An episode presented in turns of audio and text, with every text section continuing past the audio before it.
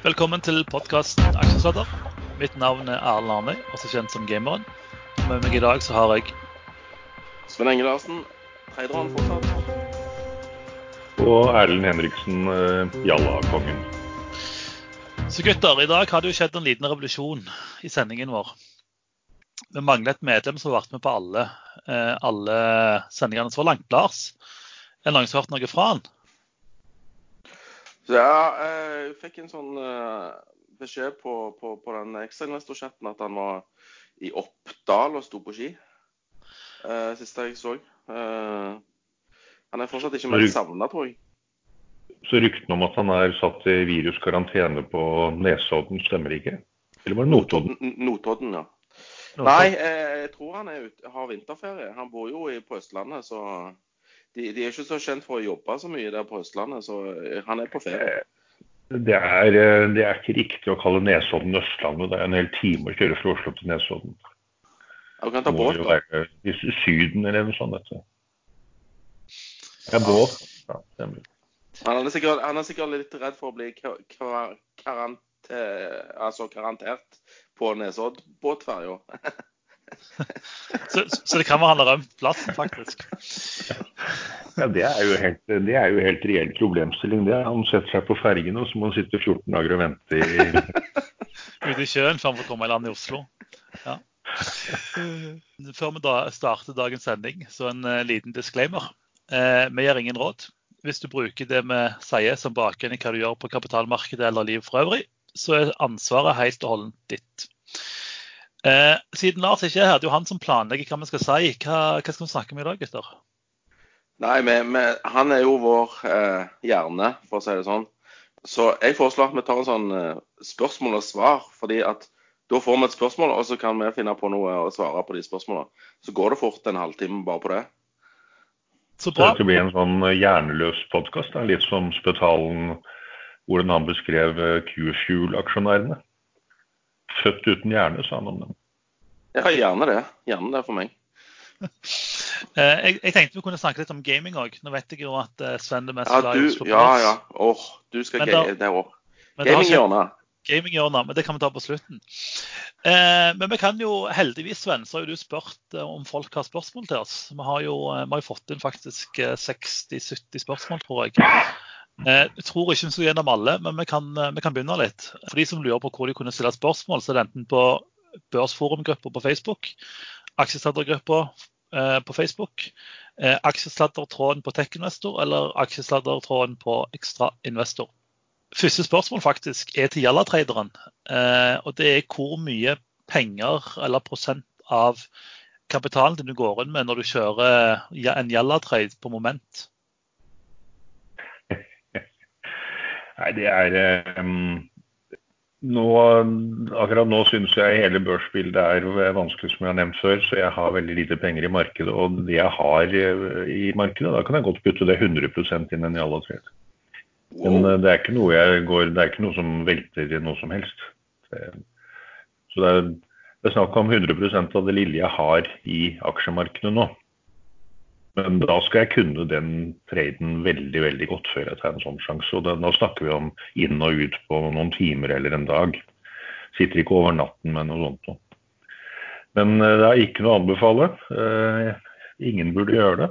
Eh, men hva er det man sier om disse rikeste? Det er De som ble rikest, det var de som gikk all in i noe de traff på. Og de andre de ble ikke genierklært.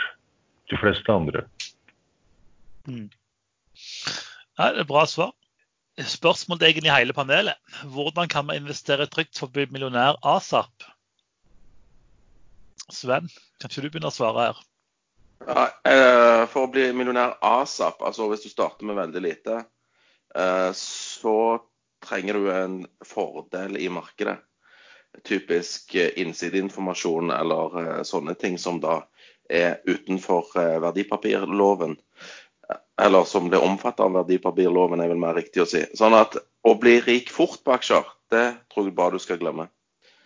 Du kan eh, Du må lære, eh, og, og som mye annet, eh, å, å trade i aksjemarkedet. Det, det, det er nyttig. ASAP, det går ikke. Erlend, noen innspill? Nei, det går jo bare hvis man har ren, pur og skjær flaks. Um, Ja, flaks går. markedet er, markedet er såpass effektivt at uh, de åpenbare casene hvor man kan bli millionær asap, de, de, er, uh, de tettes med en gang. Um, nå ser du på børsmelding, kommer en børsmelding om morgenen som, som gjør at en aksje skal reprises. Da går det Det skjer allerede før open, så er reprisingen tatt stort sett unna. Det eneste som kan skje, er hvis det kommer en melding midt på dagen som innimellom skjer, og det burde egentlig aldri skje. Da kan man være kjapp og få med seg eh, veldig store stigninger. Eller kursfall, hvis man bommer.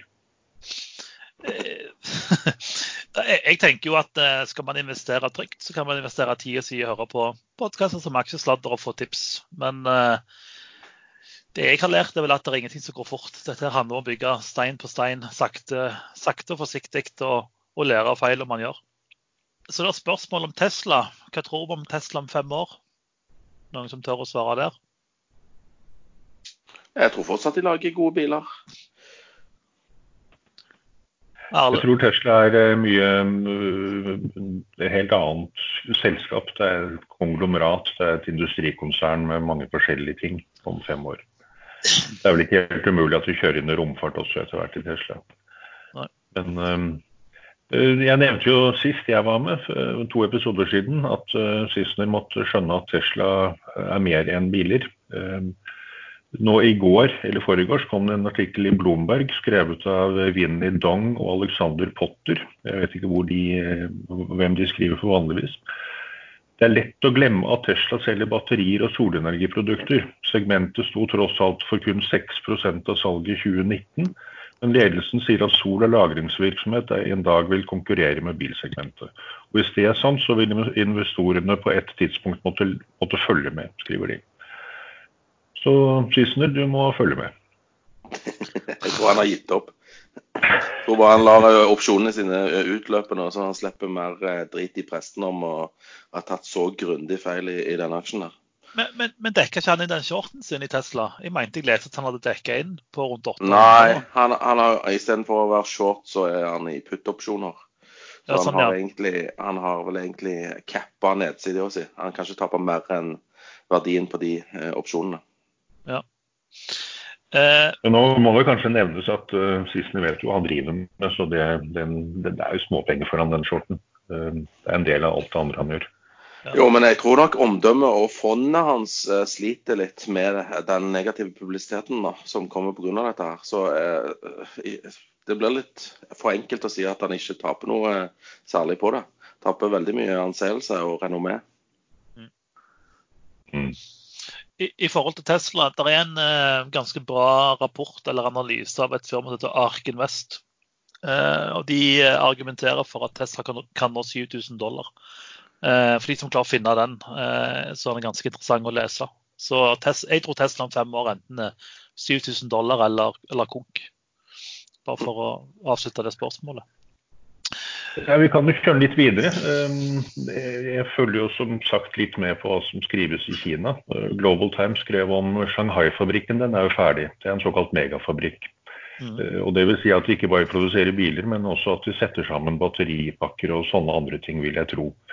Uh, Men det de skrev, det var egentlig for å fremheve Kina som uh, et sted man burde lage sånne typer fabrikker. Uh, De nevnte at i Tyskland så har da Tesla megafabrikk nummer tre måttet stoppe byggingen fordi miljøvernere i området klager på at de feller for mange trær. Eh, Nå har jeg bodd i Tyskland, og det er et ganske stort land. eh, Og den fabrikken, selv om det er en megafabrikk, så er det ikke veldig mange hundre ganger hundre meterne den, det området er. Og Tesla har lovet å plante tre ganger så mange nye trær som de skal felle. eh, Pluss at de skal ha solceller på hele taket. Og allikevel går da miljøvernet ut og stopper dette her. Og nå går dette inn i rettssystemet, og det kan ta lang tid. Så- Kina har et poeng når de sier at kom og bygg fabrikkene her, vi lager ikke bråk. Nei, du må bare overleve et virus, så er det, er det good. Eh, OK, her er det et faktisk litt interessant spørsmål. Eh, Betal ned boliggjeld versus investere avdragene i fond. Hva Det tenker er, jo dere om det? enkelt. det er jo veldig enkelt. Får du mer avkastning enn renten på boliglånet, så må du jo ta og investere pengene. Får du dårlig avkastning, så må du betale ned på boliglånet. Det er enkelt spørsmål. Ja, jeg, jeg er enig, men jeg tenker også litt sånn eh, Nå er det, billig, nå er det billige boliglån, eller eh, billig rente, og børsen går opp. Men børsen kan snu og krekke, så har du råd til å tape de pengene. Så... Ja, men det, bare, bare, se bort ifra det. Bare tenk avkastning eller uh, kostnad. Det, det er det du må se på. Jo, men jo, du vet jo ikke i dag hva du har i avkastning på det fondet du kjøpte eh, i morgen om ett år. Kan, børs, kan børsen krekke? Altså, jeg, jeg, tenker svaret er ganske enkelt. Én, tåler du at boliglånet ditt går opp til 5-6 som er en mer normal rente? Hvis du tåler det, putt det på børsen. Bare vær klar over at du kan tape 50 over natta hvis det krekker. Nå, nå syns jeg du var 50 over natta. Nå, nå, skremmer du jo eh, fondssparerne her. OK, da. Det ikke 5. 20% da. Ja, 20 i. 10% Ja, nei. Eh, putt i fond. Putt i fond. Så lenge, så lenge avkastningen er bedre. Eh, så har vi litt nodel, eh, Sven. og Det er folk egentlig som lurer på hvordan den investeringen går. Eh, har du dekket inn den Tesla-turen din, og hva er veien videre i null-operasjonen? Uh, nei, nå ble Nodel suspendert i dag, da. fordi at nå driver de og teller opp hvor mange som har lyst til å bytte til null. Så uh, den investeringen er fortsatt ikke null verdt. Jeg tror han blir gull verdt. Uh, så, men det får vi se i løpet av neste uke når null kommer på børs. Da har du både null og noddel på børs, og da gjelder det å, å trykke riktig tikker, så du ikke ender opp med å, å kjøpe Nod. Ja, så, så, det, så, de som ikke har kjøpt seg inn i noddel, de kan ikke være med på nulloperasjonen din? Ja, De må kjøpe null direkte i, i markedet Børsen. når den kommer på børs. Ja. Eh, dette her er vel egentlig ment til Sven, men jeg tror alle kan få lov å svare på det. Eh, hvordan har din investeringsstrategi som trader? Hva fungerer bra for deg, og hva kunne fungert bedre? Eh, det er veldig eh, omfattende Eller spørsmålet er ikke omfattende, men svaret kan være ganske omfattende. Eh, men det som fungerer, er å fortsette med det som faktisk fungerer. Jeg skal ikke gå inn på detaljene hva det er. Men uh, bare fortsette med det og så raffinere det litt og utbedre strategien og, og, og tradingmåten. Så, så, så, blir det bra. Det som kunne fungert bedre, det var å kunne hatt litt mer is i magen. det har blitt litt bedre med alderen, men fortsatt så sliter jeg med for tidlig avgang, som det heter. Så Nei, det, det, er noe med Jeg regner med at det, det, jeg kan si mange, mange... Er, er, er, ikke dette noe som bedrer seg med alderen? Sven, det er mange på over 50 som du er, som ville vært veldig glad for å slite med for tidlig avgang. Jeg vil bare få påpeke at jeg ikke har bikka 50 ennå. Pusher 50, ja, men bikka den. Ja. Trodde du var gammel. Det, det gikk rykter om at du var 70 nemlig på, på ekstrainvestor, så det er godt å høre at eh, du bare ja, det, det, det, var Erlend, det, tror jeg. Nei, nei, han er 100, tror jeg. ja, det var en som mente at du hørtes ut som 18 eller 19, Sven. Ja, det var veldig bra. Nei, eh, nei, eh, trading er vanskelig, men finn noe som virker for deg. fordi at eh, hver person må finne sin egen eh, strategi som funker for sin personlighet. Det er mitt råd. Yes. Det som veldig sjelden funker, det er å kjøpe når man ser at andre skriver at 'nå har jeg kjøpt'. Har Nei, for, for da, det, det, har jeg, ja, og så skal jo vedkommende mest sannsynlig selge, da. Når vedkommende skriver dette. Ja, det, altså, etter, det, etter, du har kjøpt en aksje, så skal du jo selge en aksje. Hvorfor forteller du noen at du har kjøpt en aksje hvis du eh, eh ikke er ferdig med å kjøpe den? Du forteller jo fordi at du skal selge. Ikke for at du skal kjøpe mer. Godt poeng. Arlen, hva er din strategi? Jalla?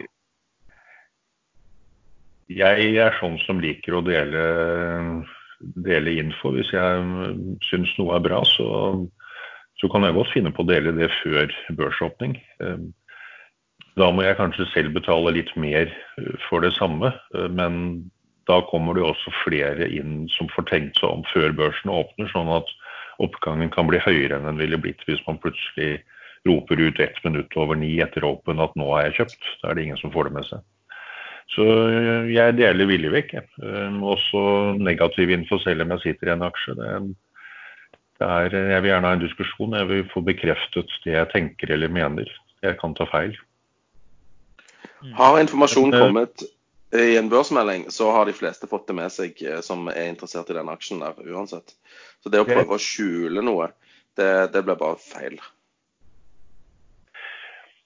Jeg, jeg, jeg tenker litt sånn som Sven sier, det er finne ut litt hva som fungerer for deg.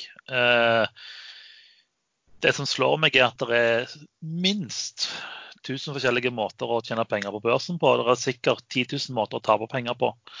Eh, så det er egentlig prøve å lære, ikke ta for mye risiko. Innse at det å tape penger er greit, for det skjer både én og to og hundre ganger. Men på en måte prøve å lære det og, og raffinere det du får til. Det er jo en grunn til at jeg har valgt gaming, sant? for jeg kan gaming. Beklager, Erlend. For å skyte inn det, det Sven og jeg snakket om nå nettopp, det var daytrading. Det er inn og ut i løpet av en halvtime eller en eller to dager. Det er, det, det er ikke langsiktige investeringer. Nei, sant. Der, der kan man selvfølgelig diskutere et case både lenge og vel før man selv tar valget og kjøper eller selger.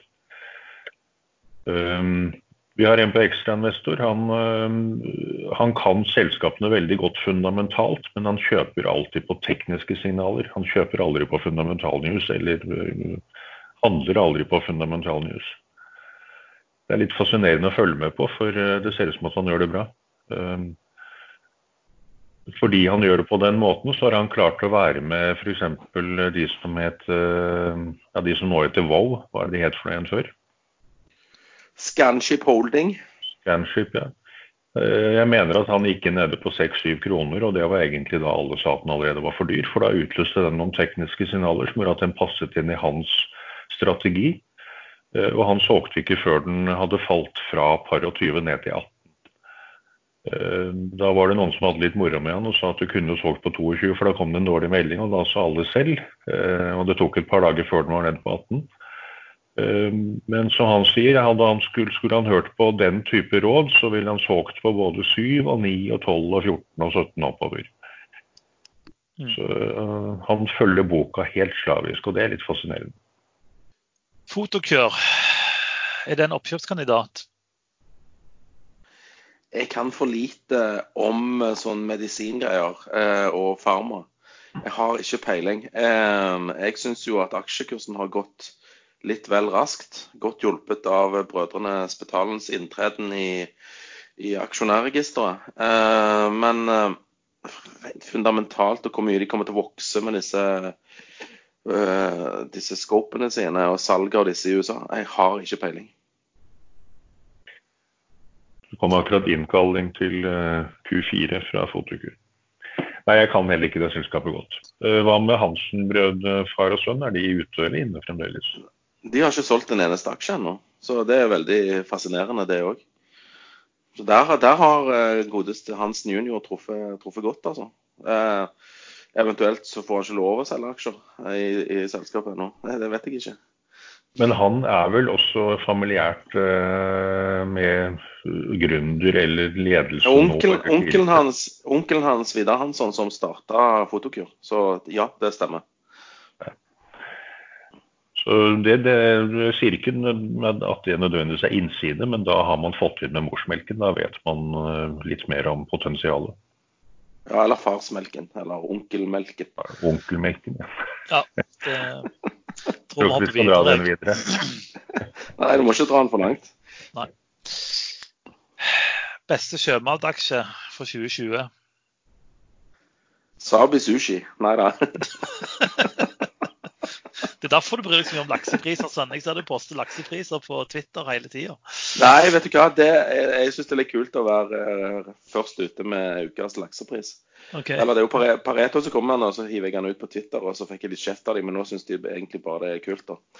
Eh, nei, det har med prising av lakseaksjer å gjøre. Og før så var det faktisk utslag når den lakseprisen til Pareto ble offentliggjort på torsdagene. Ja. Det er blitt mye mindre nå. og Fordi at de fleste aktørene som holder på med lakse- og sjømataksjer, de er veldig godt informert om hvor prisen går. Ja. Så ingen, eh, ingen sjømataksjer du har troen på eh, i 2020? Vet du hva, jeg har trodd at den sektoren liksom Nei, nå topper det, nå topper det, nå går det Men de går jo bare videre. Så jeg, jeg tør ikke spå. Men OK, får du en hel gjeng med kinesere som sitter og, og japanere ikke minst, og uh, hele Asia som sitter med munnbind og, og kun drikker suppe med sugerør, så tror jeg kanskje at den sektoren kan få seg en smell. Det største problemet er vel at de går ikke på restauranter lenger uh, nå. Uh, dette vil jo gå over, så får vi håpe. Men uh, restaurantbransjen, omsetningen har gått ned med 90 uh, jevnt over hele Kina. Ja, og, og, og i Wuhan og disse andre stedene er det jo gått ned med 100 Der er jo alt stengt. Vi har ikke sett effekten ennå i økonomien. Uh, eneste vi har sett til nå, det er at store globale selskaper uh, begynner å skylde på at uh, virusutbruddet fører til lavere salg i Q1. Uh, og, ja, men når vi først får se Apple, tallene Ja, det var Apple, og så var det et annet stort selskap. men når vi får se dette svart på hvitt, så tror jeg kanskje at at det skjer noe. Dette bringer, Der hadde jo Erlend? Ja, nei, Dette bringer så fint egentlig inn på neste spørsmål. så Når krekker markedet? Uh, jeg tror vi kan snakke litt om det òg. Ja, vi kan jo bare dra inn uh, angående det viruset, at markedet har ikke tatt dette inn over seg ennå. Uh, eksporten ut av Kina har mer eller mindre stoppet opp. importen inn til Kina har mer eller mindre stoppet opp. Havner ligger stille, de har ikke arbeidere som er virusfri. De, de, får ikke hjem folk fra ferie, og når de kommer hjem fra ferien så må de 14 dager i karantene. Så Kina har stoppet opp både på import og eksport. Og veldig veldig lite lages i andre land enn Kina i dag uten at det er en eller annen duppedings fra Kina som skal inn i det produktet. Så Goldman Sachs var ute i går og advarte. Ehm, de var vel bortimot så klare at de sa at markedet oppfører seg som at det er hjernedue akkurat nå. Ja, Kredittstrategen i DNB også var jo ute og sa at eh, rentemarkedet har reagert. Eh, commoditiesmarkedet, altså gull, har reagert. Aksjemarkedet de trekker bare på skuldrene eh, over dette her. Så det virker som eh, Ja. Hva tid tror vi smellen kommer da i aksjemarkedet? Det er vanskelig å svare på. Ja. Men uh, kommer det ikke en smell nå? Jo lenger det går før den kommer, uh, desto større blir den. Det kommer til å bli kjempebrutalt hvis ikke markedet snart begynner å roe seg litt, litt og litt ned. Ja. Jeg, jeg, tror faktisk ikke vi ser Jeg tror vi ser, begynner å se det i Q3. Ikke nødvendigvis på børsen, men på en måte på selskapene. Fordi eh, supply chain eller produksjonen og shippingen fra Kina tar såpass lang tid eh, at f.eks. ta julevarene i Norge, da, eh, som du kan kjøpe på disse billigbutikkene, sant? de går i produksjon nå i mars. Så, så, jeg tror eh, Q3 så tror jeg det er en god del store bedrifter, eh, iallfall retail i Europa, og andre, som på en måte har mindre varer enn det de skulle ha, fordi produksjonen i Kina nå ligger brakk i en måned ekstra, og så er det full opphopning i på en måte eh, shipping ut av selskapet. Men som du sa i går, så Det er seks til ni måneders utsettelse på det som egentlig skjer nå? Ja, for det tar såpass lang tid. Altså, En ting er mye elektronikk går jo med fly. sant? Men hvis du tenker julevarene, elektronikk går jo hovedsak med båt fordi eh, du har ikke plass til å lagre alt i Europa. Så du produserer så skipper du det på båt. Sant? Så har du det på en måte lagra på båt. Eh, ja, på båttur, båtturen tar 42 dager til Oslo fra Hongkong. Ja, hvis, sånn du, kjører, hvis du kjører det kjapt. Nei, det var en vanlig båt. Jeg, jeg, jeg importerte jo noen sånne elektriske sparkesykler der i forfjor. Og det tok 42 dager. Ok, ja.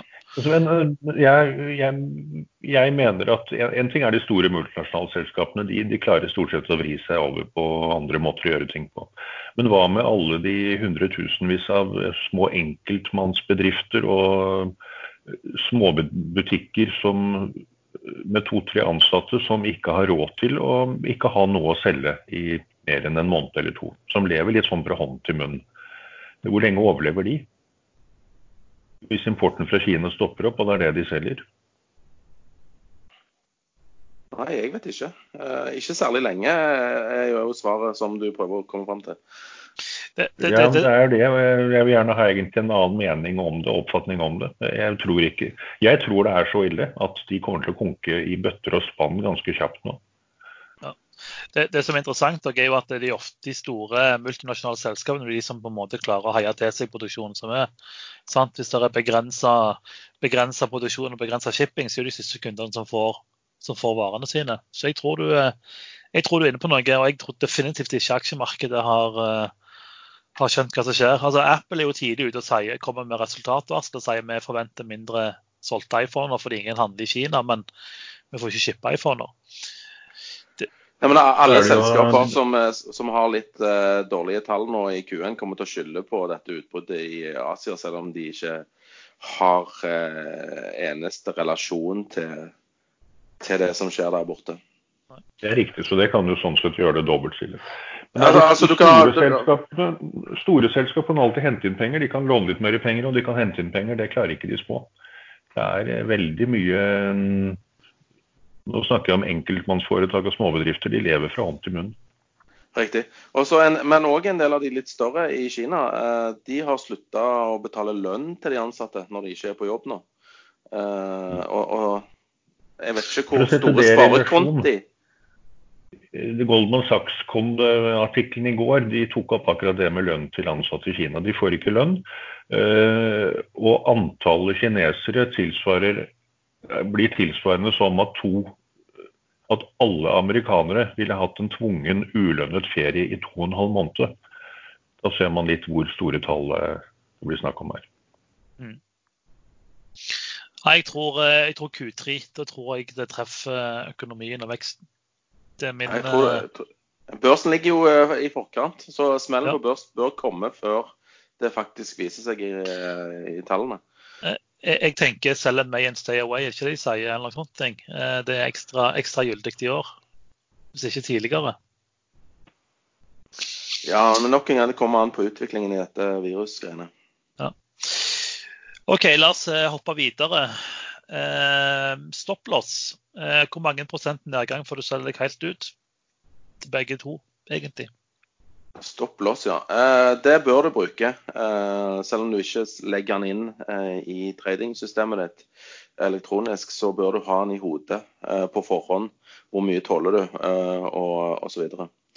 Det som jeg kunne vært flinkere på, det er å bruke sånne trailing stopplås. Dvs. Si at du justerer stopplåsen din etter hvor Hvis aksjen beveger seg oppover, så tar du òg og justerer eh, låsen din mm. oppover på den måten så kan du ri en aksje ganske langt eh, uten å selge for tidlig. Det er noe jeg ikke er særlig flink til, men som jeg kunne vært flinkere til.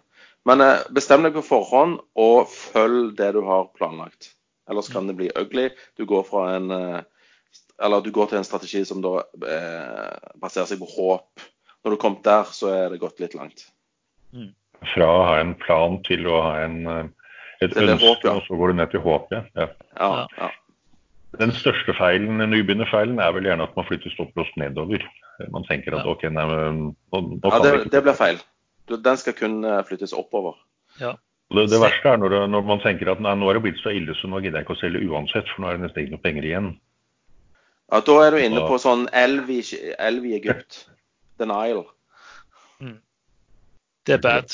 Eh, jeg kjører eh, mye, mye trailing, faktisk. Eh, enten at jeg setter det fysisk, eller at jeg, eller at jeg har den mentalt.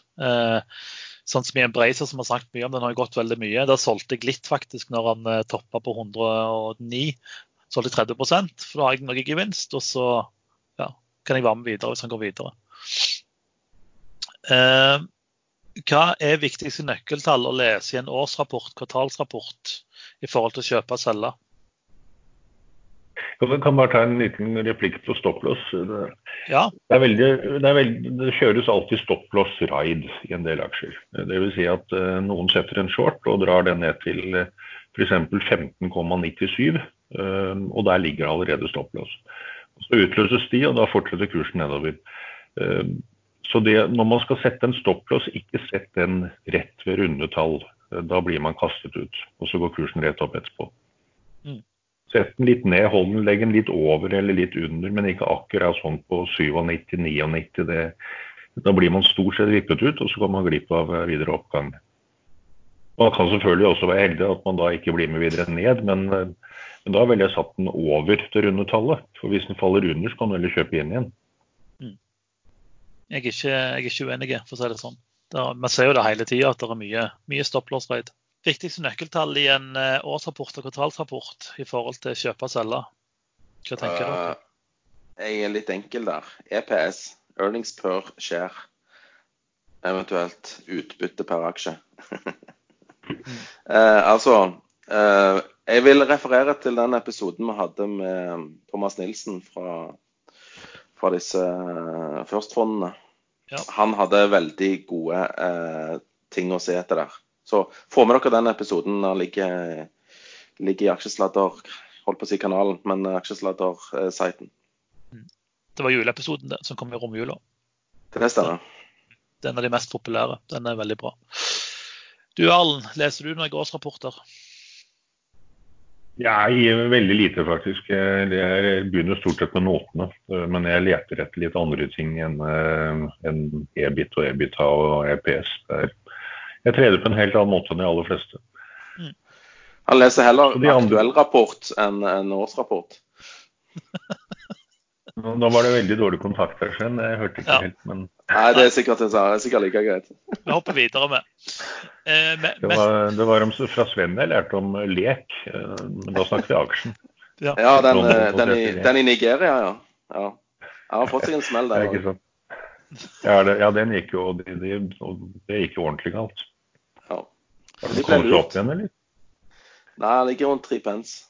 Men uh, de ble jo kraftig lurt av uh, noen arabere. Så uh, Nigerianer som blir lurt av arabere, du kan jo ikke annet enn å le litt. Det... Nei, det er helt fantastisk. det, det... Har dere dratt en historie før faktisk? aksjesladder? Skal vi ta repetere ganske kort?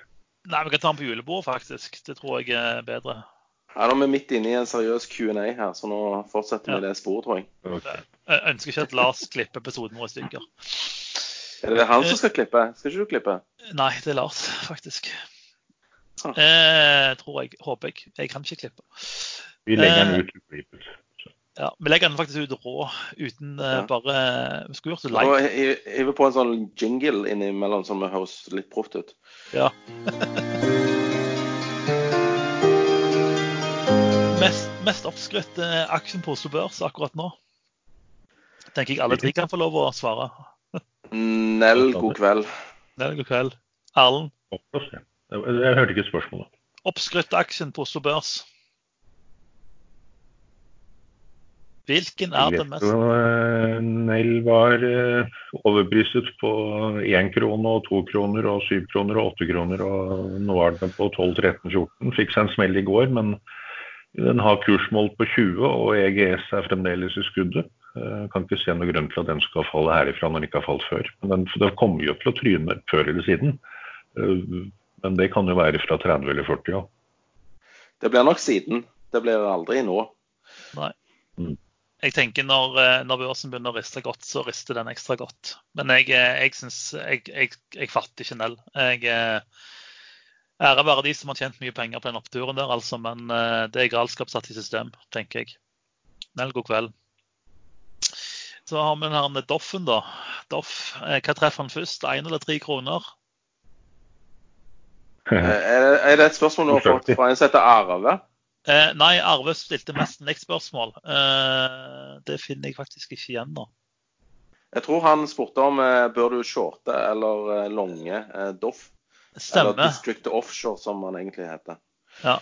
Ja, et spørsmål som har forsvunnet, faktisk. Men OK, ja. Men det var Doff er jo ganske enkelt. De, de, må hente inn penger, og de kommer til å konvertere litt gjeld. Så, sånn det ser ut nå, så vil det kun bli konvertert gjeld som Møgster eier. og Det kommer ikke an til å selge de aksjene uansett.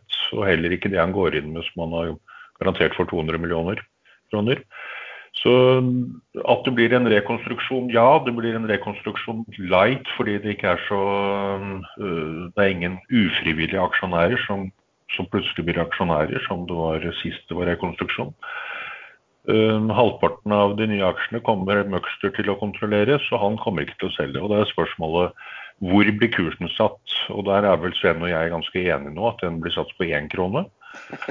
Uh, men uh, den kan teoretisk bli satt høyere. For eh, hvis Møgster tar halvparten, så, og han eier ca. halvparten av selskapet nå, så spiller det ikke sånn veldig stor rolle for han om den blir satt på én eller tre kroner.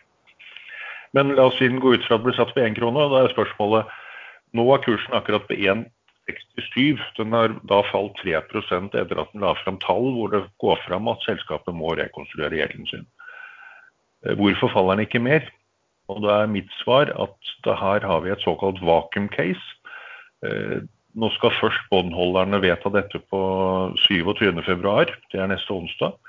Eh, det blir vedtatt at de aksepterer endringene. Det er visstnok en bank som er gjenstridig, men la oss si det også går greit. Så når alle da er enige, da skal dette gjennom en generalforsamling hvor det vedtas å utstede nye aksjer. Og så skal det lages et prospekt. Og da snakker vi om ganske mange uker eh, før det kommer nye aksjer i markedet. Dvs. Si at selskapet trades på dagens antall aksjer. Og dette har vært klart så lenge at de fleste som ville selge, har solgt for lenge siden. Så nå er det egentlig bare tradere og sånne som jeg som, uh, som er såkalt frie, uh, frie, aksjer. De andre er bundet, og jeg tror vi snakker om kanskje 70-80% som ikke kommer til å selge uansett. Så den aksjen kan like godt gå til tre kroner som at den skal presses ned til én krone. Jeg håper jo at den går til tre, tre kroner, da.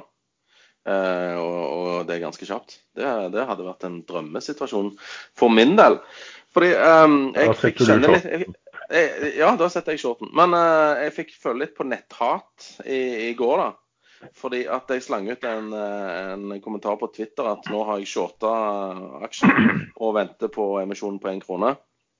Den uh, tweeten ble fanga opp av E24, som faktisk lagde en sak på, på, det uten å ta kontakt med meg. Uh, og så gikk jeg inn og leste litt om Doff på Hegnar online, og der ble jeg Ja, der var det mange som ikke ønsket meg en, en god vinterferie, for å si det sånn. Eh, så det var litt artig å, å, å føle på. Men jeg dekte uansett shorten i dag på rundt 1,60, sånn at det ble jo en veldig fin trade på én dag for, for, min del. Jeg har lånt inn en del aksjer, og er klar til å shorte når disse tulle, tullebukkene og Jalla-traderne drar den opp til tre kroner. Da er jeg klar for Jeg tror fortsatt at kursen, eller emisjonskursen blir satt på én. Hvis det i det hele tatt blir en emisjon, da. Hvis de ikke spoler rett til eh, oppbud. Det er jo en restrisiko uh, hvis, uh, hvis, den siste banken, hvis det er snakk om det der, um, sier nei, så risikerer man at Doff går konkurs. Ja, det er worst case, men jeg tror ikke det skjer, tror ikke det skjer egentlig. Men uh, jeg tenker litt sånn at uh, Møgster har sagt seg villig til å gå inn med 200 millioner. Alle verdiene til nå, er, altså egenkapitalen, er egentlig tapt. Hvis denne banken uh, stiller seg på bakbeina og nekter å godta forslaget, så tror jeg heller Møgster vil la være å gå inn med de, altså bruke 200 millioner til på noe. Da tror jeg heller de sier OK, da snipp, snapp, snute. Men det er ikke de som får skylden. Da er det denne banken som da eh, tippet tuen, holdt jeg på å si. Tippet lasset. Men Sven, du kjøpte i, det vil si du shortet i går og dekket inn i dag. Um, Riktig. Uh, jeg um, tok en trederpost på 1,52,4, og buden var 1,50. Og nå er den på 1,63. Den var akkurat på 1,73, så, så det går an å tjene penger, begge veier. Ja, det selvfølgelig er det, det er mulighet til å tjene begge veier. Men du blir litt mer hata hvis du shorter noe. For da ønsker du ja. kursfall. Mens resten av menigheten det, ønsker jo da kursoppgang. Hva var det han kalte deg i går? Han på Hegnar Online? Eller på Finansavisen Forum, heter det nå? Ja, OK. Nei, eh, nei, det tror jeg ikke vi kan eh, jeg, jeg, husker det faktisk ikke, men eh, det var ikke Det gikk litt på alderen din, tror jeg. Hvor gammel du kan være, eller noe sånt. Da. Uh, ja, det var vel òg at jeg var en veldig amatør og en vanlig mann som hadde shorta noe greier. Ja. Så jeg, jeg, det var veldig konstruktiv kritikk. Morsomt. Ja. Uh, OK. Her er det et litt mer personlig spørsmål til deg, Sven. faktisk. Er det mulig å komme på besøk til deg for å se og lære om mer om trading i praksis? Uh, nei. Svaret på det er faktisk nei. Tror vi da må det vært på Da kan du ikke sitte i traderuniform, i hvert fall. Hæ? Traderuniform? Hva er det, Allen? Nei, jeg er jo gjerne rett fra dusjen, eller eh, ja, vi Det, tar gjør- det, det, det, gjør- det gjør jeg kun når jeg setter sånn naked shorts. Da, da kan vi ha traderuniformen på. Men eh, hva var, hva var, hvem var det som spurte spørsmålet, Allen? Det var en eldre, eldre mann, faktisk. Så eh, ja. Ja, nei, svaret er da nei Nei. til eldre menn. Ja. Eh, hva, hva er det siste du lærte som investor? Den går egentlig til alle tre, tenker jeg. Det siste Nei, det, den, den vet, det vet jeg ikke. Erlend? Ja, jeg lærte noe i går, men det, det har jeg glemt allerede. Nei, jeg, Det altså, var en forkortelse. Det var uh, gjennomsnittlige kursbevegelser per aksje. Um, Var det den ATR du uh, maste Ja, noe, noe sånt. Ja, ja ikke sant. Average. Det er jo veldig fint for ja, de som trader bevegelsene, daglige bevegelser, daglige eh, standardavvik osv. Jeg har inntrykk av at han som eh, kom med den forkortelsen, han gjør det ganske bra. Så det er mange måter å tjene penger på. Jeg har aldri prøvd meg på daglige average-bevegelser, standardavvik for å tjene penger. Nei. Siste jeg lærte meg, var faktisk den eh, TRS-en som eh, Lars pratet om sist gang. Eh, Den i Norwegian. Men jeg synes som investor lærer du ting. Du må lære ting hele tida. Det er det som er litt av greia, hvorfor noen klarer det over tid og andre, andre gir opp. Det er alltid nå lærende. Forklare publikummet hva en TRS da er for noe. Det var en Ja, det, total tok, ja, det tok vi det veldig detaljert i forrige episode. Ok. Så de som lurer på hva en TRS er, de kan høre på siste episode. Lars prater veldig bra om det. Hvilke verdier er igjen i gig, og hvordan påvirker B2C-salget Q1-resultatet? Hvis noen har fulgt med på gig. Q1-resultatet er jo ute. Eh, det ble dårlig fordi at de måtte nedskrive resten. Eh, altså forskjellen på bokført verdier og det de solgte. B2C, altså business to consumer-biten, type nettkasinoene og, og det greiene, det ble solgt til Betson. De måtte ta tap på restverdien. Jeg sitter nå igjen med B2B, som da, og, og affiliate. Eh, sin. Altså B2B det er business to business. Altså de selger tjenester til andre som, eh, eh, som driver nettkasinoer, rett og slett. De, det er software og slike ting. Nei, hva igjen? Eh, det, og hva er verdiene? Eh, Jeg så jo at eh, en kjent pokerspiller, Frode Fagerli, en av, en av gründerne, han stakk jo med halen mellom beina her i uka. Så det er vel ikke unaturlig å tenke at han lempa aksjene sine. Han hadde vel rundt 4% av, av selskapet. Aksjen har gått kraftig ned etter Q1. eh, har vel hent, prøvde vel å hente seg litt inn i går. Men er fortsatt eh, ja, er ganske godt ned siden, siden Q1. Jeg har, jeg har sagt hele tiden de bør kvitte seg med disse nettkasinoene. Det er en business som har noe som heter en veldig høy churn. Altså kostnaden med å skaffe seg en ny kunde er veldig høy. Mm. Og den nye kunden stikker med en gang bonusen er brukt opp. Mm. Og da koster det veldig mye å skaffe én ny kunde. Så eh, ja, eh, de har eh, endelig kvitta seg med den biten der. Så skal det bli spennende å se om de klarer å utvikle denne her software-biten sin og selge til andre nettkasino-operatører. Er det feil å si at det var et brannsalg hvor de mer eller mindre måtte selge for å kunne betale båndet i mars, er det vel? Ja, stemmer. De måtte finne penger en plass, og de fant det ved å selge B2C. Og den tror jeg satt litt langt inne, altså. Men det var vel heller ikke den prisen som tidligere har vært antydet av andre at dette kan være verdt. Det var vel, det var bare akkurat så vidt det de trengte for å løse inn bånd og litt uh, andre Ja, de har jo to, har to bånd, men den ene forfalt nå, da. Uh, jeg leste en kredittkommentar fra Pareto, tror jeg det var, og der står det nå at eh, det andre båndet, eller begge båndene er jo relativt godt dekka nå etter dette salget. Så de mente at 2021 og 2022 kan se rimelig greie ut. Dette med lik i skapet, da, når noe har vært drevet da tydeligvis dårlig eller over evne i lang tid, så når det først begynner å rakne, så, så stopper det gjerne ikke. Eh, Hva tror du der? Nei, jeg, jeg vet- jeg vet for lite om den B2B-greia som de har igjen, og hva, hva, hva som er bokført av verdier der. Så jeg kan ikke uttale meg om det. Men det er helt riktig som du sier. Når, eh, først finner én kakerlakk, så finner de som regel eh, litt flere etter hvert. Ja, det er i hvert fall generelt vanlig sendt på børsen når en gründer og styremedlem eh, velger å hoppe av på dagen. Ja. Ja, Det virker som de må rydde, eller de må hente penger fort. Nei, jeg tror ikke de trenger å hente penger sa du, etter dette salget. Nei, men jeg mener altså salget, altså, salget kommer fordi de må ha inn penger, liksom. Ja, ja, ja. Helt riktig. Det er noen spørsmål om NAS.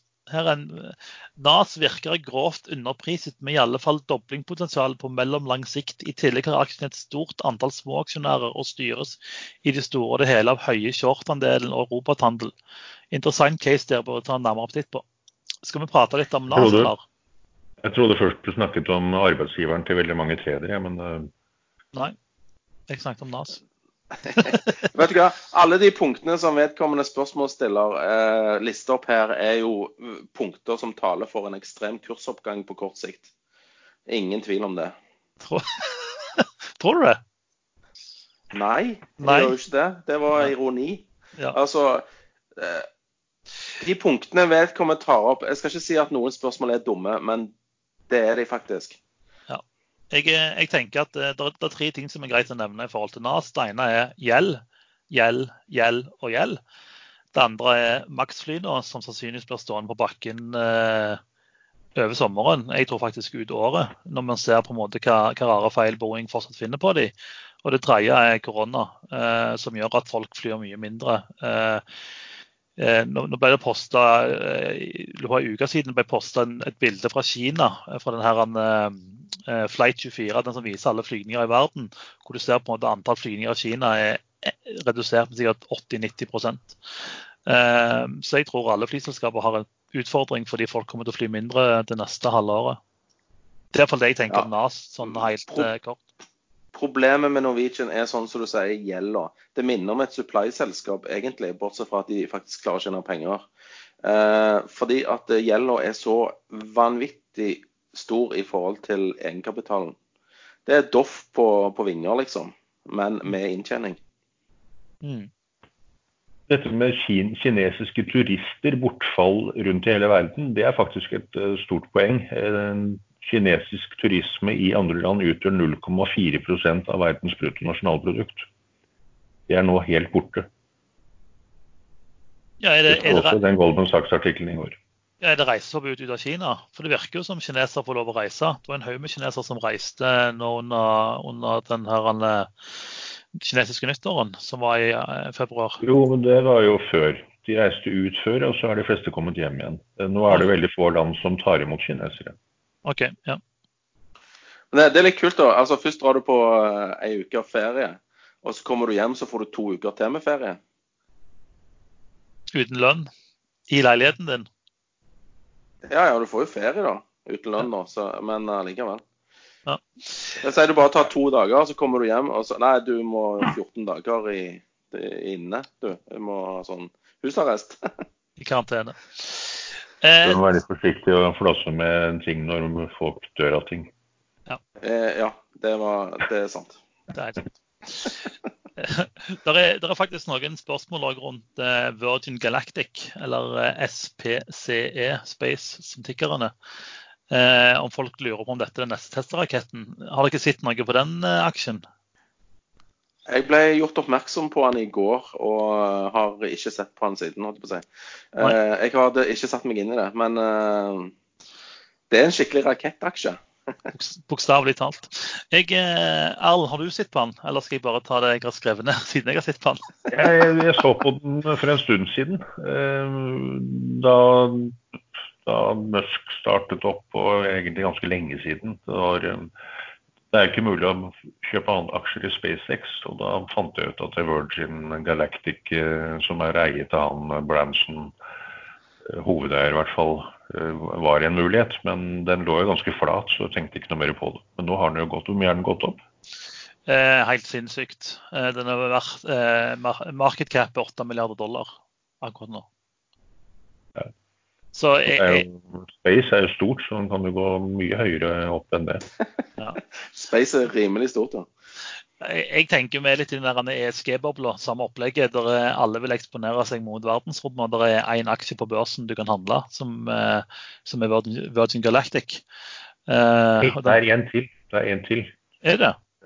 Norsk aksje som nå har fått uh, enda en godkjennelse på plass i den store, store, lange prosessen, det er Nordic Mining, som skal starte titanproduksjon i Engebø. Uh, fremdeles motstand, men veldig mye tyder nå på at de faktisk kommer til å starte denne gruven. Og det er Europas største titanressurs. Kortreist. og jeg skal ikke ta opp miljødiskusjonen rundt det med fjorddeponi, men mye titan brukes til helt andre ting enn å lage romfartsdeler, bl.a. Eh, som tilsetningsstoff i maling osv. Eh, men kvaliteten på titanen som Nordic Mining har, er visstnok så god at de kan lage titanmetall. Og da snakker man om romfart som en kunde, og det er en bransje i vekst. Så ja, kanskje titanprisen går kraftig opp, og da kan Nordic Mining bli en ordentlig god gullgruve, titangruve. Bra for å putte det i perspektiv eh, er en, Jeg følger en fyr på Twitter, Charlie Belelo, eller noe sånt. Han sammenligna Virgin Galactic med Xerox, fordi begge to har ca. 8 milliarder i dollar i market cap. Eh, Virgin Galactic har 800 eh, ansatte, 3 millioner dollar i omsetning og 140 millioner dollar i tap i fjor. Xerox har eh, 27 000 ansatte, 9 milliarder dollar i omsetning og 1,3 milliarder dollar i nettincome. Så verdensrommet er jo stort, men, eh, men den, ingen tvil om at den har gått ganske mye. Eh, Dette blir jo tilsvarende som Tesla mot General Motors. Nå er vel Tesla fire ganger mer verdt enn GM, er det ikke det? Jo. jo men, men Xerox, da, driver ikke de fortsatt på med sånne kopimaskiner? da? Jo, jo. De, altså, de er en helt, annen, helt annen bransje. Det er bare for å sammenligne to selskaper hvor den ene tjener masse penger, og den andre ikke tjener penger. Ja, men altså, skal du en tur til månen, så velger du ikke Xerox, liksom? Nei. det, det, blir en kopitur i så fall. OK, vi har, eh, vi har uh, hatt, uh, hatt, en del spørsmål. Det er mye spørsmål igjen, men jeg lurer på om vi skal, skal vi hoppe litt videre, eller? Og prate om litt andre ting? Ja, jeg føler vi har svart på mye nå. Ja, eh, vi kan bare takke for alle spørsmål som har kommet inn. Beklager de vi ikke har svart om. Det kan vi ta, ta en annen gang hvis det, er, hvis det er stemning for det. Nei, Da må de eh, sende inn nye spørsmål, for da har de spørsmålene som de har sendt inn, gått ut på dato. Ja, selvsagt nye spørsmål. Men vi kan ta en ny runde med Q&A, tenker jeg. Ja, ja, sånn, ja. Hvis det er spennende. Eh, vi snakket litt om gaming. Du lovte meg et gaminghjørne siden Lars ikke var her, så jeg eh, tenker jeg kan prate litt om gaming hvis det er greit for dere. Ja. Skal vi bare, skal vi bare gå, gå, vekk litt, da, eller skal, skal, vi høre? Nei, dere skal få lov å høre. Hvis du må på do, så kan du gå på do. Nå, er det en god anledning å gå på do, tenker jeg. Nei, men altså, du hadde jo dette Jeg forsto ikke hva du snakket om, eh, eller de gangene du påstår du har snakket om dette gode aksjetipset. Så kanskje ja. jeg husker at du har sagt nå må du kjøpe det. Tikkeren er Embrak C, eller hva det heter for noe. Stemmer det. Eh, så, ja, eh, så det så jeg etter aksjen gikk eh, bananas rett opp. Eh, yes. Så jeg Nei. følte ja, at du gjorde en litt dårlig salgsjobb eh, innad i panelet. Nei, det er veldig jeg, jeg, tror det bare du... Han tvang oss ikke til å kjøpe. Nei. Han satt der bare sjøl og tjente masse penger. Det syns jeg er uetisk. Det er uetisk, faktisk. Jeg, jeg tar det til etterretning. Men uh, det har vært, uh, vært uh, Q4-rapporter på, på, mye spillselskaper i Sverige. jeg skal prate om to av de faktisk som er ganske interessant. Det ene er Paradox Interactive, ticker PDX. Noter deg, Sven. PDX. Skal, skal, ja, og, og, så før vi glemmer det, skal jeg kjøpe den nå? nei, det skal du ikke. Ikke ennå. Å nei. nei vel. Eh, Paradox de har, eh, det er de, dette er de store selskapene i, i Sverige. Eh, og De har egentlig perfeksjonert den eh, strategien som Funcom prøvde på veldig lenge. At De gir ut et spill, og så holder de det i live i mange år med oppdateringer og betalte oppdateringer. Eh, det som er litt spesielt med Q4-rapporten til Paradox, det er at i Q4 i, i 2019 så ga de ikke ut noen spill. Men til det kvartalet de tjente mest penger på topplinja og bunnlinja ever. Eh, og Dette viser litt at hele spillbransjen endrer seg. fordi Tidligere så var det sånn at et spillstudio kom med et spill, og så har de veldig mye inntekter i, i månedene rundt spillanseringen, og så dabber inntektene av. Men nå viser på en måte paradoks at det går an å tjene mye mye penger utenom disse spillsalgene, fordi de har en stor katalog med spill med mye såkalte DLC-er, sånne betalte eh, ekspansjonspakker. Eh, men òg fordi de har store eh, salgene som skjer på spillbutikkene eh, digitalt, de, de, de, drar mye salg. Eh, I tillegg så har man jo en, en ganske stor konkurranse på spillmarkedet i dag. Tidligere på, på PC så var det Steam som gjaldt. Det er kun da du kunne handle digitale spill, eller spill digitalt. Nå har man òg fått Epic Game Store, så, eh, eller eh, EGS som man kalles. Ikke ESG, men EGS. EGS, Jeg må holde tunga beint i munnen. Eh, og, og, det Epic har gjort for å på en måte klare å ta markedsandeler, er at de går til spillstudier og så sier de at hei, vil du gi ut spillet eksklusivt med oss, så får du en stor sum penger i forkant. Og så får du òg en høyere cut per spill du selger. På Steam så betaler du typisk 30% til Steam, mens på Epic eller EGS betaler du 15 til Epic. Eh, I tillegg så gir eh, Epic de gir òg vekk spill gratis hver uke. Hver uke er det ett spill du kan laste ned gratis.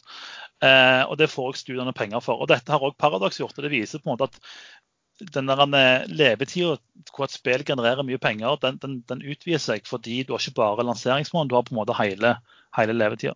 Så, så Paradox' rapport er ganske interessant fordi eh, beste kvartalet de hadde, Q4 2019, hadde de òg rekordlite nye lanseringer. Eh, skal du kjøpe Paradox nå, Nei, ikke egentlig. Eh, de har ingen store lanseringer før til høsten. Fordi det kommer nye konsoller til høsten. Eh, nye Xbox og nye PlayStation. Hvis ikke de blir forsinka pga. Kina. Eh, så vent til sommeren. Men det er en aksje som er grei å følge med på. Og Men jeg har jo glemt, glemt du den da når, når, jeg skal kjøpe den igjen. Så hvis ja. du kunne vært så vennlig å minne oss på at nå skal jeg kjøpe PDX, så setter jeg stor pris på det. Ja, jeg kan komme innom eh, elbilen min, og så kan vi henge med elbilene våre og dele aktivt. Og, og, og, og råne litt. ja. Erlend, nå har du snakket via brede om, eh, om, om, den aksjen, men det er jo et paradoks at vi ikke skal kjøpe. Jo, men det er bare for å forklare markedet litt. for Det, det, det smeller òg inn på en bred Det var, det var prøvd å være forsøk på en vits. Ja, jeg skjønte det. Jeg beklager, jeg tok den ikke. Den var dårlig. Det var veldig dårlig. Ja, dårlig. Men og så er vi på en Embracer, som jeg har snakket om nå siden 10.1, faktisk. Det er første episoden jeg, jeg nevnte Embracer, tror jeg. 10. januar, ja. OK. Men uh, tikkerkode TikTok-kode MBRAC. Embrac. M-E-M-B-R-A-C-B. Embracer. B, ja. B. Du går for B-aksjen, altså?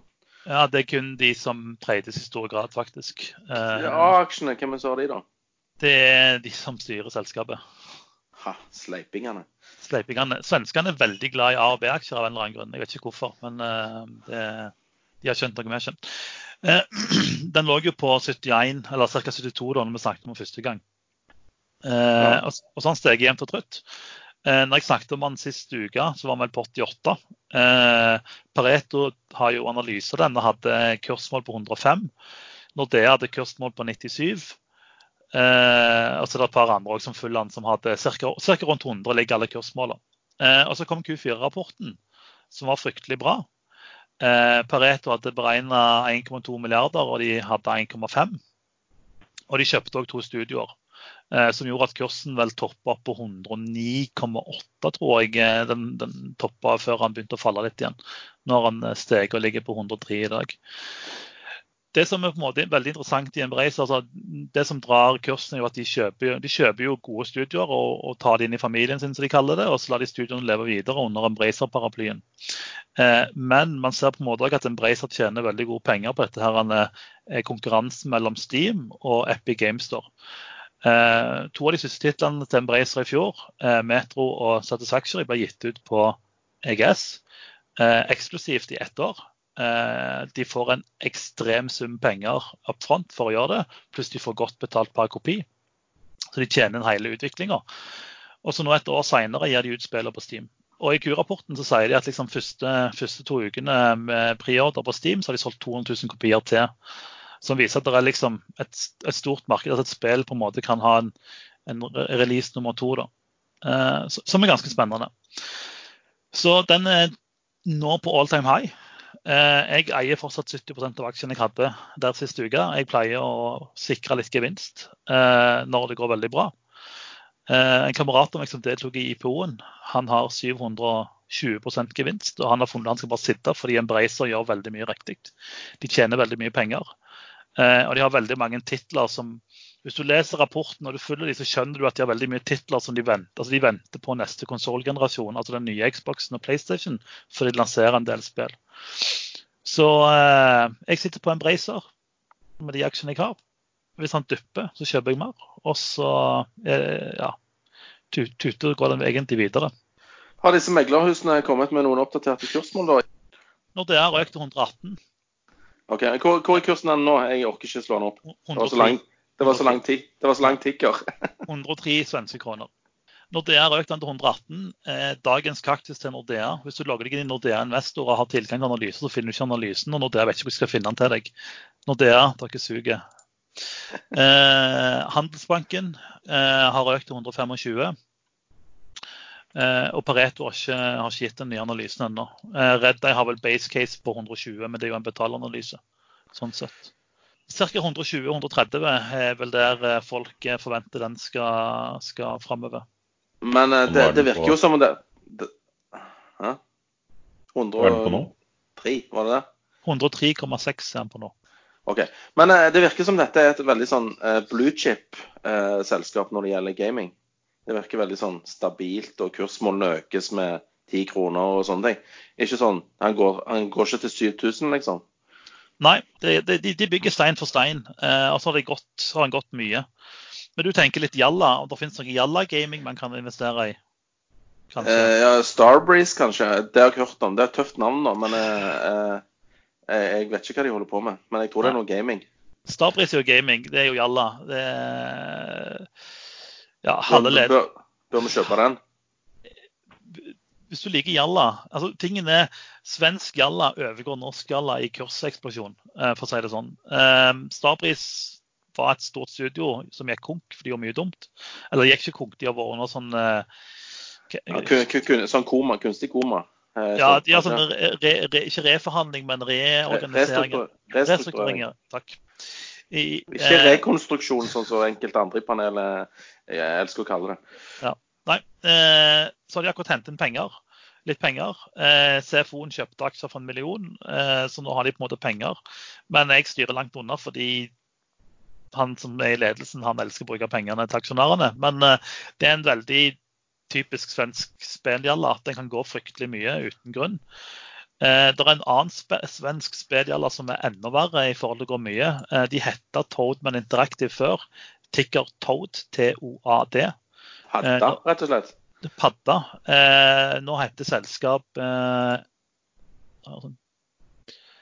ja, Hvis du søker på Toad, så finner du den iallfall. Jeg husker ikke hva. Jo, Enad Global 7 heter selskapet nå, med det samme tikker. De- de- Den lå på 12 kroner for mange mange måneder siden. De skal komme med nytt spill. Eh, Spillet er i sånn åpen, åpen test, så alle kan prøve det. Jeg prøver det. Spillet er skikkelig ræva. Jeg selger alle aksjene mine. Og aksjen går til 30 kroner. Eh, og Spillet solgte drit, så aksjen falt igjen etterpå. Nå ligger han på 31. De har akkurat vist fram to spill. De ser helt grusomt dårlige ut. Det, det er tidenes Jalla-aksje. Hvis du vil ha Jalla uten konsistens, så er den veldig spennende å se på. for den- Den går så sinnssykt. Nå gikk han akkurat fra 31 til 32,5 liksom, på ja, 300 aksjer. Så, eh, så Toad og Starbreeze, der har du svensk Jalla. Jeg styrer unna, men jeg kjenner mange som tjener altfor mye penger på det tullet. Starbreeze var vel ikke Jalla før det plutselig bommet på utviklingen av et spill. Det var jo et knallselskap helt til det gikk galt med Det, det som skjedde, var jo at eh, hele den eh. Alle de som var flinke i selskapet, slutta jo. Og så var det på en måte Jalla-kongene som satt igjen. Og så gikk det ikke så bra. Men OK, så det var game, eh, dagens gaming. Kan jo nevne at eh, budet på Funcom fra Tencent nå er godkjent av børsen. Så De har skanna alle sidene. de har skanna alle sidene. Så nå er det good to go. Så, eh, så de som eh, Ja, de skal vel ha 90% eller noe før de, før de sier ja. For de som ennå sitter i den. Men eh, har du noe du ville si på slutten? Eller skal vi, skal vi nærme oss eh, runden? Ja, nei, jeg glemte litt da vi hadde Q&A. Det var en som stilte spørsmål om DNO, og det har det vært snakket en del om i det siste. Altså DNO som har kjøpte Farao, Faraoe for en stund siden og har store assets i Kurdistan. Og kursen faller og faller og faller. Og da er spørsmålet hvorfor. Um, noen sier at Farao-kjøpet faktisk kanskje ikke var så godt som man tenkte først. Men spørsmålet er vel heller om ikke det er uh, situasjonen i Midtøsten hvor USA de facto har trukket seg ut nå. Uh, der har Russland og Tyrkia overtatt uh, som de storeste kamphanene. De er vel både litt på samme side og litt imot hverandre, men Kurdistan har som jeg bedømmer situasjonen, så har de mistet all støtten de hadde. Eh, da Saddam Hussein foretok dette gassangrepet og drepte tusenvis av kurdere, da fikk de støtte av både USA og England, og Trump har allerede sviktet kurderne. Og Boris Johnson kan jeg ikke tenke meg at kommer til å gjøre stort for å løfte en finger hvis, kurd, hvis tyrkerne eller Iran eller sentralregjeringen i Irak bestemmer seg for å uh, ta bort statusen som eh, selvstendig land til kurderne. Uh, de har jo vært en kasteball i historien i hundrevis av år. og Nå ser det ut som at de kommer dit igjen. og Hva skjer da med DNOs assets i Kurdistan? Det tror jeg er det markedet nå er redde for. Eh, jeg kan ta feil, men og jeg, jeg, tror vel også at la oss si tyrkerne skulle overta de områdene som, som DNO har. Er det da noen grunn til å tro at tyrkerne skal kaste ut DNO? Det er jo felter som må fortsatt drives. Eh, nå er vel Genell tyrkisk styrt, eh, og man kan vel kanskje se for seg at eh, noen i familien til Erdogan vil få noen gode muligheter. Men, men det, det, kommer til å bli internasjonalt bråk om hvis de hiver en operatør og eier ut av et, av et område på en sånn stygg måte. Så jeg, jeg tror nå kommer til å beholde herredom uansett. men men det blir litt disruptivt både med pengestrøm og, og, og hva skjer. Så kursen er i fritt fall. Nå er den på 7,83. Der har den ikke vært siden 2017. Og teknisk sett så må den snu her, ellers så kommer den til å gå ned til under 6. Så, så det du egentlig sier, at hvis man tror, eh, hvis man tror at DNO beholder assetsene sine, så er det en, en, god anledning å kjøpe. Og hvis man eh, er usikker, så bør man eh, sitte utenfor. Tja det er, det er veldig Midtøsten er noe av det vanskeligste å spå noe som helst om. Det, klart, Tror man at de beholder assetsen uansett hva som skjer der nede, så, så burde det være et godt kjøp. Men men DNO har jo produsert olje i to-tre år før uten å få betalt. Det fikk de jo betalt etter hvert, og det var derfor kursen gikk så mye opp. Men det kan fort skje igjen. Da har vi holdt på en god time. Skal vi gi oss, eller skal vi, skal vi prate noe mer? Jeg syns vi skal gi oss eh, på topp. Vi gir oss på topp. Da er det bare å si eh, takk for denne sendingen, og så snakkes vi neste gang. Ja, og så, ønsker vi Lars velkommen tilbake til neste sending. Selv om jeg syns eh, Erlend, du har gjort en veldig Eller Lars Erlend, tror jeg vi kan kalle deg nå. Lars eh, Erlend, faktisk. Du har gjort en veldig god jobb som konferansier og toastmaster. Så det, det, denne jobben kan du få beholde òg, altså. Hvis Lars finner ut at han vil pensjonere seg. Jeg, jeg Eller hvis vi, vi, finner ut at vi, at vi pensjonerer Lars. Det kan jo hende. Ja, det kan òg hende. Men, det er jo, altså, men han er ganske sleip fordi at uh, han sitter på toppen av dette mediekonsernet sitt nå, ekstrainvestor uh, Gullhaugen sin. Og så får han oss til å jobbe gratis. Det er ganske sleip. Jobber du gratis, du? Uh, ja, gjør, gjør ikke du? Gjør du det selv? Jeg sitter jo her og snakker gratis. OK.